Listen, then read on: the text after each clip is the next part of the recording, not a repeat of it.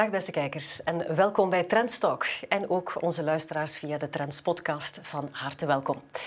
Geen enkele industrie, geen enkel bedrijf kan het pad van business as usual bewandelen.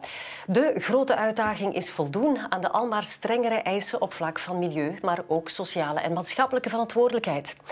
Niet alleen de consument legt de lat hoger, maar ook de Europese Commissie. En die heeft nu een nieuwe strategie klaar liggen die de textielindustrie moet sturen naar een volledig nieuw businessmodel.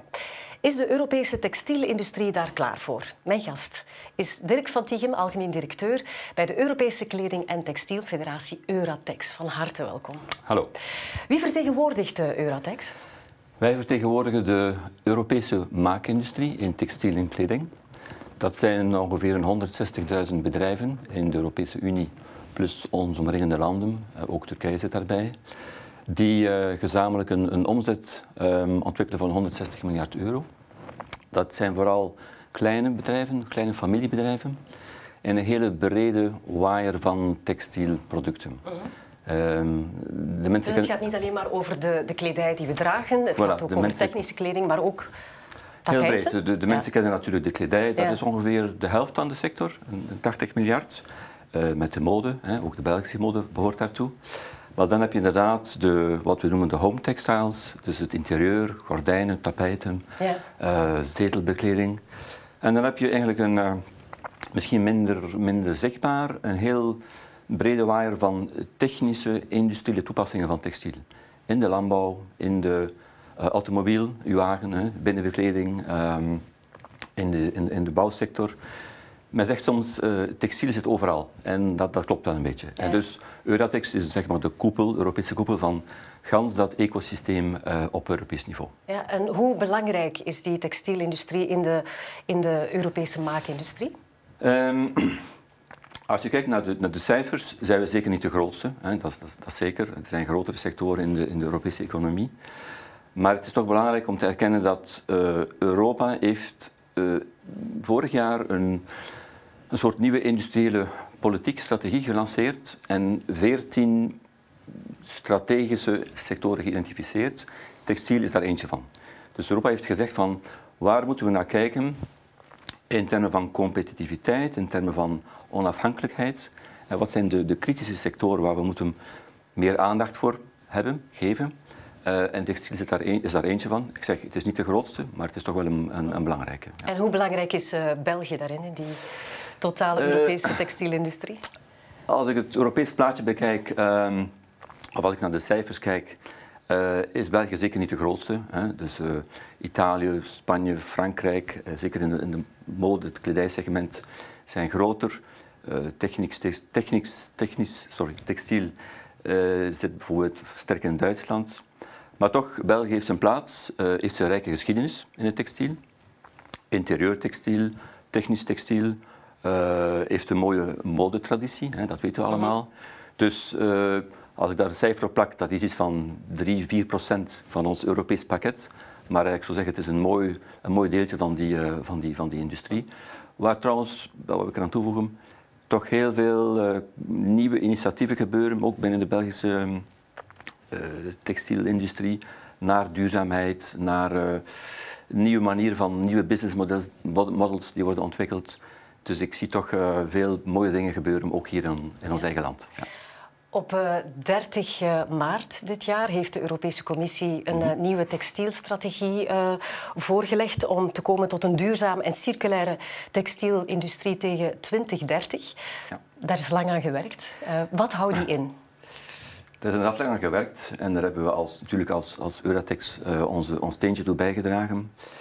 Um, het is een heel ambitieus plan en om het, uh, daar staat heel veel in. Om, het proberen samen te vatten, het komt er eigenlijk op neer dat Europa de uh, duurzame, kwaliteitsvolle textielproducten daarvan de norm maken op de Europese binnenmarkt.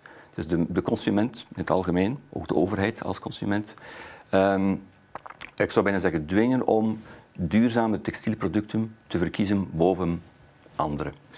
Uh, ten tweede, ook meer, zorgen dat er meer transparantie binnen naar de consument toe is en transparantie binnen de productieketen. En transparantie waarover? Over welke informatie de gaat het De oorsprong van uw, uw, uw product. Hè. Uh, waar komen de garen, waar komt het katoen vandaan? Om een, een mooi voorbeeld te geven. Dus hoe is dat product geproduceerd? Welke zijn de normen die gerespecteerd worden of al dan niet gerespecteerd worden? Dus transparantie naar de consument, transparantie uh, in het productieproces. Uh, ook wat is de compositie van uw product? Zit daar gerecycleerd materiaal bij? Welk percentage enzovoort? Dus daar meer uh, duidelijkheid in verschaffen. Um, en uiteindelijk in het algemeen, die strategie wil eigenlijk de, de industrie um, ik zou zeggen, pushen, duwen van een traditioneel lineair businessmodel naar meer circulariteit. Een meer circulair uh, businessmodel. Dus dat is één hoofdbedoeling van de strategie. Dat, en dat kader natuurlijk binnen die, die fameuze Green Deal, uh, waar iedereen uh, denk ik van, van de hoogte is. Anderzijds, en dat is dan belangrijk voor ons, erkent die strategie ook wel dat Europa de Europese textielindustrie moet ondersteunen, moet begeleiden in dat transitieproces, om dus meer uh, duurzaam te zijn, om dus meer circulair te worden. Dus erkennen dat we uh, een sterke Europese textielindustrie nodig hebben in Europa, dat die moet ondersteund worden uh, en dat vooral dat die moet, ik zou zeggen, gevrijwaard worden van mogelijk oneerlijke concurrentie van buiten Europa. Want Textiel is een heel internationale sector met heel sterke concurrentie vanuit Azië vooral. Dus dat zit allemaal vervat in, dat, uh, in die strategie, in die visie. Wat op zich als, als industrie staan wij achter die visie. Uh, dus, dus, dus die evolutie naar duurzaamheid, naar kwaliteit, dat zijn, ik zou bijna zeggen, Europese textielwaarden waar we volledig achter staan. De vraag zal natuurlijk zijn, hoe gaan we die visie vertalen in in de praktijk. Mhm. In wetgeving, in normen, in standards. Uh, wat zal de kost zijn van, uh, van, die, van die vertaling naar wetgeving toe? Uh, en dat is de grote discussie die we nu de komende twee, drie jaar zullen hebben. Ja. Ik wil op een aantal dingen die u nu al heeft verteld uh, inspelen. U sprak daarnet over die transparantie. Dus de informatie die de consument krijgt over, bij de aankoop van een, een, een textielstuk of een kledingstuk. Hoe gaat die worden meegegeven? Is dat via een label of een certificaat? Of uh, hoe zal dat gebeuren? Wat, wat de commissie graag zou willen is een, het invoeren van een, wat ze noemen een digitaal productpaspoort. Digital Product Passport. Dus elk stuk textiel zal begeleid worden, zou moeten begeleid worden van een unieke digitale handtekening. Um, en hoe ziet die er dan uit? Dat zal de komende jaren uitgemaakt worden. Daar is nu al veel, uh, veel discussie rond, zowel technisch. Maar dat, is dat een chip in het, in het Dat zijn dan QR-codes ah, die dan ah, verbonden zijn met een, een blockchain-technologie, van, ja. die dan de ganse opnieuw supply chain uh, uh, terug, eh, op, op, op, kaart brengen, zeg maar, in kaart brengen, sorry. Um, dus er is een technologische kant aan vast, er is ook een, een, een juridische kant aan vast, van welke informatie moet dan op dat paspoort staan. De oorsprong van, de, van het materiaal, uh mhm. -huh. waar is het geproduceerd, uh, welke chemicaliën zijn gebruikt. Dus gans die discussie van wat moet, wat moet nu precies op dat, in dat digitale paspoort -huh. zitten, moet nog uh, uitgemaakt worden. Ja, is het dan te vergelijken met uh, het energielabel voor bijvoorbeeld bepaalde elektrische toestellen A, B, C, D? En dan is de vraag natuurlijk, um, Europa verbiedt niet dat een D-label, bij wijze van spreken, toch op de markt komt. Het is, uh, het is de consument die de verantwoordelijkheid krijgt van ik kies voor een A-label in de kleding. er komt inderdaad gelinkt aan dat productpaspoort en een bepaalde norm die zal gesteld worden, een, een label een soort ecolabel, ABCD. Um, ehm, althans, dat, dat, is de bedoeling.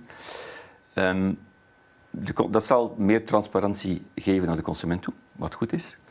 Uh, de vraag is, open, is nog altijd open vandaag. Zal de commissie bepaalde minimumnormen vastleggen? Van, ik zeg maar iets, dat hemd moet minimaal um, uit 50% gerecycleerd materiaal worden geproduceerd. Dat weten we nog niet, maar dat zou kunnen. Dat mhm. zou kunnen een minimumnorm zijn. En opnieuw, uh, dat is de, de, belangrijke discussie die we moeten hebben van waar, hoe hoog gaan we de lat leggen voor die normen, voor de, de duurzaamheidsnormen, voor de recyclagenormen. hoe gaan we de lat leggen? Kunnen we dat aan, technisch? Wat zal de kost daarvan zijn. Als je zegt van morgen moet dat hem dus 50% uit gerecycleerd materiaal worden gemaakt, dat heeft een kost, sowieso. hè, wat zal de kost zijn? Kunnen we dat, uh, kunnen we dat technisch aan? Uh, en hoe gaan we dat controleren? Dus hoe gaan we dat, zorgen dat dat hemd uh, effectief voldoet aan waar we, waar, ja, ontlabelen is één zaak natuurlijk, maar hoe inderdaad gebeurt die controle? Bij wie gaat die verantwoordelijkheid liggen dat die informatie die in dat label staat, dat het geen greenwashing is? We hebben inderdaad 50% gerecycleerd textiel gebruikt om dit kledingstuk te maken, maar dat dit effectief ook klopt. En, en er wordt daar terecht in de strategie veel aandacht aan besteed, uh, gelukkig maar. Want gans die strategie staat of valt met een meer effectieve controle. Vandaag uh, is die controle niet voldoende. Uh, zeker als je weet dat uh, ongeveer 80% van de kledij die we dragen in, in Europa komt van buiten Europa, wordt geproduceerd in derde landen. Dat zijn, hebben ze mij ooit verteld, ongeveer 28 miljard stuks textiel die binnenkomen elk jaar. Per, per jaar, ja. Per jaar. Mm -hmm. Alles, hè. dus hoe gaan we die 28 miljard stuks controleren ja, want... op hun compliance met die strenge normen die er aankomen. En wat zegt de strategie daar dan over? Want ja, we kunnen ze natuurlijk van, onze eigen industrie uh, strenge regels opleggen, wat dat ze nog doen in andere sectoren. Ja. Uh, we stellen veiligheidseisen aan een wagen bijvoorbeeld. Ja. Um, de, de dus, wagens die we invoeren, net zoals bij de kleding, gaan die aan dezelfde voorwaarden moeten voldoen? Uh, de, in de strategie wordt heel duidelijk erkend van dat moeten we doen. Dus die, die level playing field, dus de eerlijke concurrentie tussen uh, producenten in Europa en buiten Europa, die moet um, gegarandeerd worden. En daar staan wij als Uratex natuurlijk heel, heel veel achter, dat begrijpt u. Um, dus de commissie erkent dat dat moet gebeuren. Uh, hoe we dat gaan doen opnieuw, blijft de grote vraag. En ik wil daar niet, te, niet zeker niet cynisch in zijn, maar ik zal het, het is een hele grote uitdaging om dat te realiseren. Dus we gaan moeten samenwerken met de lidstaten, uh, met de douane-instanties, uh, die te weinig middelen hebben. Dus we moeten nadenken, samen Europese industrie met de lidstaten, met Europa. Hoe kunnen we op een effectieve, intelligente manier die controle uitvoeren, zonder dat het een, een, een handelsbelemmering wordt. Want daar wil ik Geen ook heel duidelijk. Voilà, dus daar, daar wil ik ook duidelijk in zijn. We staan niet voor protectionisme, maar voor eerlijke concurrentie. Dus moeten we daar opnieuw diep over nadenken. We, als Uratex zijn we nu bezig met een klein soort pilotproject, uh, Reach for Textiles heet dat, die specifiek de compliance met de chemische wetgeving, REACH-wetgeving, uh, controleert in textielproducten. Het is een soort pilootproject van hoe kunnen we dat beter aanpakken. En er is een dialoog tussen de controleorganismen, de lidstaten in Europa. Dus daar leren we uit, hoe kunnen we dat doen. Maar naar de toekomst toe dus we leggen de lat veel hoger, naar duurzaamheid toe, naar kwaliteitscontrole enzovoort. Dus dan moet die market surveillance, heet dat in het Engels, die moet mee. Als die niet, niet meegaat, um, ja, ik zou zeggen, schieten we in onze eigen voeten een beetje als industrie. Uh, want dan is natuurlijk het gevolg dat uh, landen die niet aan die normen voldoen, of bedrijven die niet aan die normen voldoen, uh, goedkoper gaan kunnen produceren, producten op de binnenmarkt brengen in Europa en dan heb je een oneerlijke concurrentie die het voor onze Europese bedrijven bijzonder moeilijk zullen maken om, om, uh, om competitief te blijven. -huh.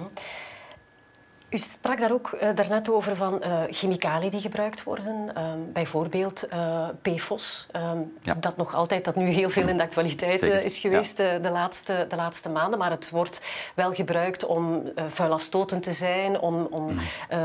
regenwerend te zijn. Ja. Um, zijn er alternatieven als de mm. Europese Commissie oplegt van we willen dit niet meer? Zijn er alternatieven om toch nog dat meer technisch materiaal te maken? Um, die discussie is, is, volop bezig onder technici, onder chemici. Um, en de industrie is volop op zoek naar alternatieven. Op korte termijn zijn de alternatieven niet uh, eenvoudig voorhanden. Dus moest dat het geval zijn, dan zou dat het probleem nu al opgelost zijn. Uh, maar dus dat is niet het geval. Dus uh, er is onderzoek uh, aan, bezig hè, naar alternatieven. Daarom het belang om, om die, die, die ganse groene transitie moet gepaard gaan met investeringen in innovatie naar nieuwe groene technologie. Um, om in de toekomst te kunnen vermijden dat we nog PFOS moeten gebruiken. Mhm. Maar op korte termijn zijn er geen ehm, eenvoudige, eenduidige alternatieven. Ja, maar het gaat over heel veel chemicaliën. Hè? Ja. Er is ook heel veel onderzoek gebeurd in het, uh, in het verleden naar de, de, impact van het gebruik van die chemicaliën, de hormonale verstoorders. Minister Petra de Sutter, uh, ze was toen nog senator voor, uh, voor de partij Groen, heeft heel erg gestreden om die hormonale verstoorders uit die kledingindustrie te halen. Zeker voor, voor jonge kinderen heeft dat een enorme impact op hun, op hun ontwikkeling. Ze kruipen op het tapijt, ze dragen nieuwe kleren geregeld, want ze groeien er snel uit. Um, dat is nog altijd niet aangepakt. Tot grote frustratie eigenlijk van heel veel mensen zeggen... maar de wetenschappelijke bewijzen zijn er, hoe, hoe, hoe schadelijk dit is voor de, de gezondheid. Ja, Wie houdt dit dan tegen? Um, niemand houdt dat tegen. Uh, altijd, maar er is nog altijd geen wetgeving. Dus als iedereen erover eens is, was er toch al een verbod nee, geweest? Maar er zijn heel veel discussies, zelfs onder wetenschappers, van wat is nu het impact, uh, wat moet er gebeuren en opnieuw wat zijn de alternatieven. Um, en opnieuw als industrie zijn we zeker meer dan bereid, zijn we actief betrokken bij die discussies. Um, maar in sommige gevallen zijn er geen eenvoudige alternatieven. In andere gevallen zijn er alternatieven uh, die veel Europese producenten hanteren. Maar dan kom je opnieuw bij de vraag van um, wat doen we met ingevoerde producten. Maar veel van die producten die niet altijd um, strikt genomen aan de, aan de strakke, strakke regels van Europa voldoen, worden dan in het buitenland geproduceerd, buiten Europa geproduceerd. Dus daar kom je opnieuw met dat probleem van uh, hoe, zo, hoe, organiseren we een meer effectieve controle op ingevoerde producten? Maar goed, onze eigen, onze eigen productie, um, men heeft die wetenschappelijke studies waarvan dat u zegt van ja, er is niet echt een eenduidigheid over de, over de gevolgen. Moeten we dan niet het voorzorgsprincipe hanteren, dat er toch heel wat bewijzen in die richting gaan? Net zoals het, het, het geval bij 3M. Ja, als het niet verboden wordt, blijven we het gebruiken, ook al weten we dat het uh, niet afbreekbaar is bijvoorbeeld. En die, die, moet ik zeggen, die onderhandelingen, die discussies zijn bezig. Dus er is een nieuwe REACH-wetgeving die eraan komt, dus een nieuwe chemische wetgeving die dus inderdaad veel meer de nadruk zal leggen op, op duurzaamheid, uh, op het preventieprincipe. Uh, dus dat is uh, in de maak in, in Europa, dat, dat komt heel snel op tafel. En opnieuw, wij zijn daar, um, wij, wij omarmen zeg maar, dat principe heel fel, maar de discussie moet op een, op een heel open, transparante wetenschappelijke basis gebeuren. En dat is voor ons het belangrijkste. En dan komen we er samen zeker uit. Ja. Er zijn nog een paar grote uitdagingen hè, voor de textielindustrie. Laten we even kijken naar de ecologische voetafdruk. Hè. De textielindustrie binnen Europa is de vierde grootste ver, uh, vervuiler. Um, ongeveer op wereldvlak, hè, dan gaan we buiten Europa kijken, uh, een, een, een, ecologische voetafdruk van ongeveer die van de luchtvaartsector, waar heel vaak de vinger naar verwezen wordt van we mogen niet meer vliegen, daar moeten we echt op letten. Maar we blijven toch nog altijd heel veel textiel uh, verbruiken. Ook heel veel textiel weggooien. Daar gaan we het straks even over, uh, over hebben. Die voetafdruk, hoe kan die naar beneden gehaald worden? Dat is natuurlijk de, een beetje de hoofdbedoeling van die, van die nieuwe strategie, van die textielstrategie. Um, en die ga je in de eerste plaats naar beneden brengen door meer kwaliteitsvolle, duurzame uh, textielproducten te gebruiken, te, de consument ervan over, te overtuigen dat dat de, de referentie wordt. Hè? Dat, is, dat, is, het belangrijkste. Uh, dus wij pleiten eigenlijk voor uh, meer kwaliteit, minder kwantiteit. Uh -huh. dat, is, uh, dat is een eerste, een eerste dus punt. minder fast fashion, waar... Wat, wat zei Timmermans nu weer? Ja, Frans, Timmermans, fast, fashion, fashion, is out of fashion. Is out of fashion, inderdaad. Ja, dat is zijn slogan, vooral duidelijkheid. Dat is niet onze slogan. Maar goed, jullie staan toch niet voor fast fashion, neem ik aan dan? Uh, wij staan als Europese industrie vooral voor kwaliteitsvolle uh, kledij, uh, merkenkledij. Dat is ook niet met duurzaamheid, hè? Ehm, ja, je moet daar een beetje oppassen om dat in, in, in, hokjes te plaatsen van fast fashion is per definitie slecht en, en, en, en high-end mode is per definitie goed. Het is, het is, het is niet zo zwart-wit, denk ik. Wel, maar ook al maar, komt het in de circulaire economie terecht en wordt het hergebruikt, het is nog altijd ook wel maar, zeer energieverslindend om textiel te hergebruiken, hè, om het terug in de, in de keten te steken. Ja, en daar zijn we volop mee bezig. Om dus eigenlijk dat, zoals ik zei, van, we moeten eigenlijk de industrie ombuigen van een, een traditioneel lineair, lineair model naar meer circulariteit. Mm -hmm. Dus hoe kunnen we van bij het ontwikkelen van een textielproduct, van bij de designfase, al anticiperen van hoe gaan we dat kunnen recycleren op het einde van het, van het levensgebruik. Dus geen ijzeren buttons op een jeans bijvoorbeeld? Dat uh, zou dat bijvoorbeeld kunnen zijn. Mm. Hè. Uh, heb je heel veel andere toepassingen. Maar dus het denkproces begint bij, de, bij de design, de gebruikte materialen. Hè. Ehm, de transparantie van het ganse productieproces. Dan technologie, de, het verbruik van water, nieuwe technologie. Uh, uw, uw, machines die minder energie verbruiken. Ehm, om één voorbeeld te geven, er, is, er zijn nu weefmachines. Uh, vroeger traditioneel had je een weefmachine die, die u, u, stof maakt. Je knipt daar twee, ik zal maar zeggen, stukken uit en je, je naait die aan elkaar en dat geeft u... nu heb je machines die alles in één keer doen, zeg maar een soort 3D textielmachines. Dan heb je geen textielafval meer van dat uit te knippen. Dus zo gebeurt er al, nu al heel, heel veel binnen de sector. Dus om die voetafdruk in het productieproces, in de gebruikte materialen, in de design uh, naar beneden te brengen. En ik moet erkennen dat, dat ook kleine ondernemers zijn daar echt heel veel mee bezig. Die strategie van de commissie gaat het nog verder een, een, een push geven, uh, door de lat uh, hoger, hoger te leggen.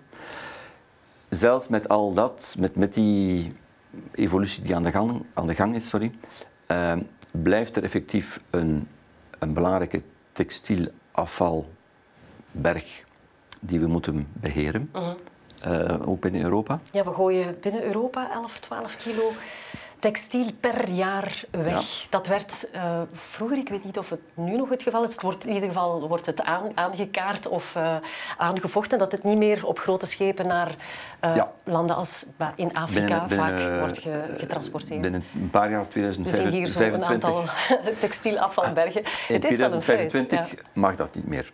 Dus er is nu al een Europese wetgeving um, die dat vastlegt. Dus, dus moeten we zorgen worden die transporten wel nog uh, dat, uh, dat gebeurt nog en daar zijn we helemaal niet, uh, gaan we helemaal niet in mee als Europese industrie, maar het gebeurt nog. Maar opnieuw in 2025 kan dat niet meer. als Uratex hebben we het, het Recycling Hub project gelanceerd. Dat is eigenlijk een samenwerking binnen de industrie van alle segmenten, van de, de retailers, de chemische industrie, de recyclagebedrijven, om die samen te brengen en eigenlijk op Europese schaal een, ik zou zeggen, een soort strategisch plan te ontwikkelen om die berg te verwerken en te, uh, klaar te maken voor hergebruik. Hergebruik, uh, upcycling, recycling, er zijn verschillende variaties hè, in, die, in die recycling. Dus ik wil gewoon zeggen, dus we zijn ons bewust van die uitdaging als Europese industrie. We zijn daar uh, heel hard aan het werken om dus daar een, zeg maar, een soort businessplan rond te ontwikkelen. Maar we moeten natuurlijk zorgen, of we moeten ook in, in dat verhaal kijken van wat is de lange termijn duurzame oplossing, ook duurzaam vanuit een economisch model. Dus hoe kunnen we um, die circulaire, dat circulaire model um, ook economisch, financieel competitief maken? Wij denken dat het kan, zeker omdat de waarde van um, van deze textiel stijgt. De waarde van, van virgin materials hè, is ook aan het stijgen. Dus de, oorspronkelijke de, business case om, ja. de business case om te werken met gerecycleerd materiaal is aan het stijgen, is aan mm. het verbeteren, zal ik maar mm. zeggen. Dus opnieuw, er, is, uh, er zijn veel initiatieven al, lokaal. Op Europees niveau zijn we met het Rehab-project um, met een heel ambitieus recyclingproject bezig. Dus uh, we zijn ermee bezig en we denken, we hopen dat, uh, dat het goed komt. Ja. Uratex heeft mee aan tafel gezeten, hè? vertelde u straks, uh, om deze ja. textielstrategie uh, van de Europese Commissie om die vorm te geven. In welke mate is er daar ook gesproken over de, de sociale impact? Um, we herinneren ons nog van negen jaar geleden, ook van de textiel die vanuit het buitenland dan geproduceerd werd door Europese uh, uh, modemerken, hè, die mm, dan in, mm. bijvoorbeeld in Bangladesh, in de Rana Plaza, die ineenstortte in ja, negen jaar geleden, in 2013 denk ik dat het was. Um, er zijn toen wel een aantal initiatieven genomen om dat aan te pakken, om daar ook meer controle over te hebben. Want hoe dan ook, heel veel textiel zal blijven geïmporteerd worden. Hè. Mm. Dus op welke manier zijn er daar afspraken rond gemaakt?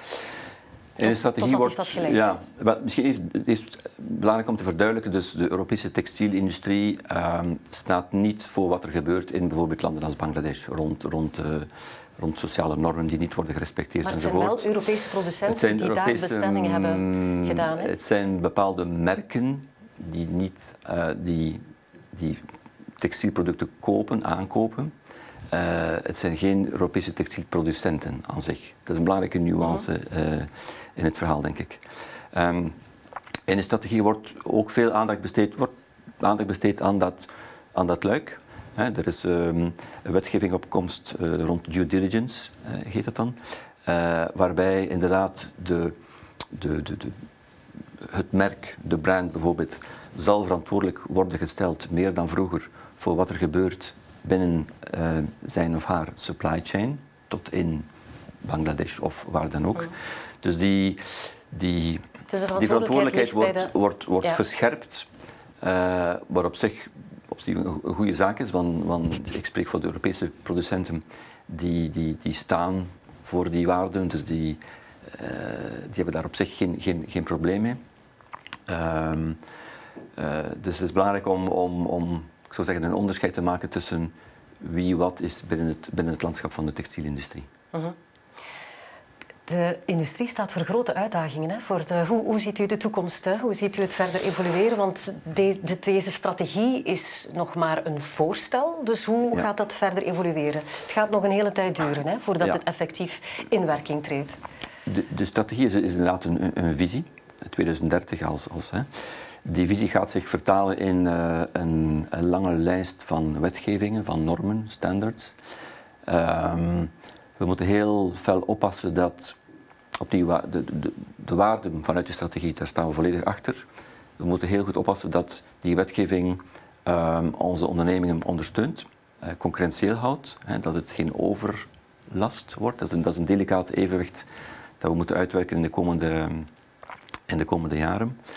Maar ik ben persoonlijk heel optimistisch. Ik ben relatief nieuw in de, in de, sector, maar ik ben heel optimistisch omdat ik zie op het niveau van de ondernemingen, de bedrijven, hoeveel er gebeurt uh, rond duurzaamheid, rond uh, innovatie, uh, investeren in, in, in, nieuwe mensen, nieuwe mensen aantrekken. Dat is een heel belangrijk aspect ook van de, voor onze sector. Dus er zijn heel veel initiatieven. En opnieuw, als de, de, de, de conclusie van, van dat ganse proces is van we willen meer duurzame, kwaliteitsvolle textielproducten, dat is iets waar de Europese textielindustrie voor staat. Dus op die basis ben ik uh, positief. Maar we moeten voorzichtig vooruit gaan en goed samenwerken tussen de wetgever, uh, de onderneming, de industrie en de consument. Daar hebben we het niet over gehad, want de consument moet ook meegaan in dat verhaal, ja, naar meer duurzaamheid.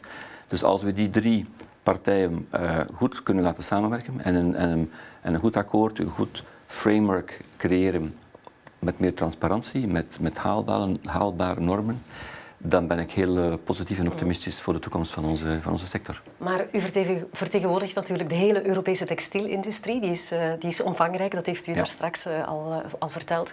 Hoe krijgt u die, die late adopters, hoe krijgt u die mee? Um, door hen te informeren. Uh, dus momenteel is er heel veel communicatie rond rond, rond die strategie, wat er gaat gebeuren. Dus uh, door hen te betrekken bij die discussies rond het, het, vastleggen van die normen, dus het vertalen van de, van de visie in, in, in, in, wetgeving. Um, maar ik, ik, ik, voel dat niet als een, als een, als een eerlijk gezegd, als een moeilijkheid. Um, opnieuw, vanuit de industrie is er die beweging naar meer duurzaamheid, naar meer verantwoordelijkheid, sociale verantwoordelijkheid ook, die is er al. Dus die wordt nu even misschien aangescherpt of aangedreven, als ik dat kan zeggen. Um, het is belangrijk, uh, op, zoals ik daarnet zei, om de consument mee in het verhaal te brengen.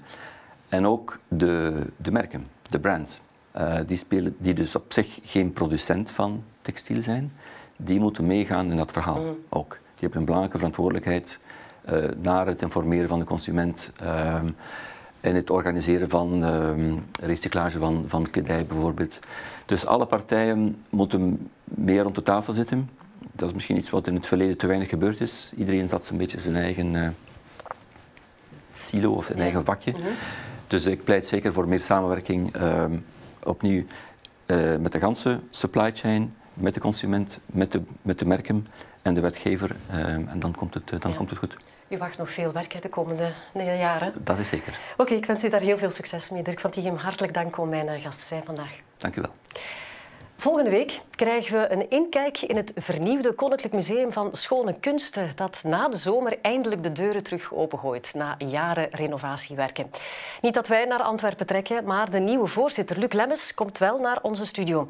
Hij gaat in gesprek met Jan de Meulemeester. Zeker iets om naar uit te kijken volgend weekend. Bedankt voor het kijken en heel graag tot een volgende keer.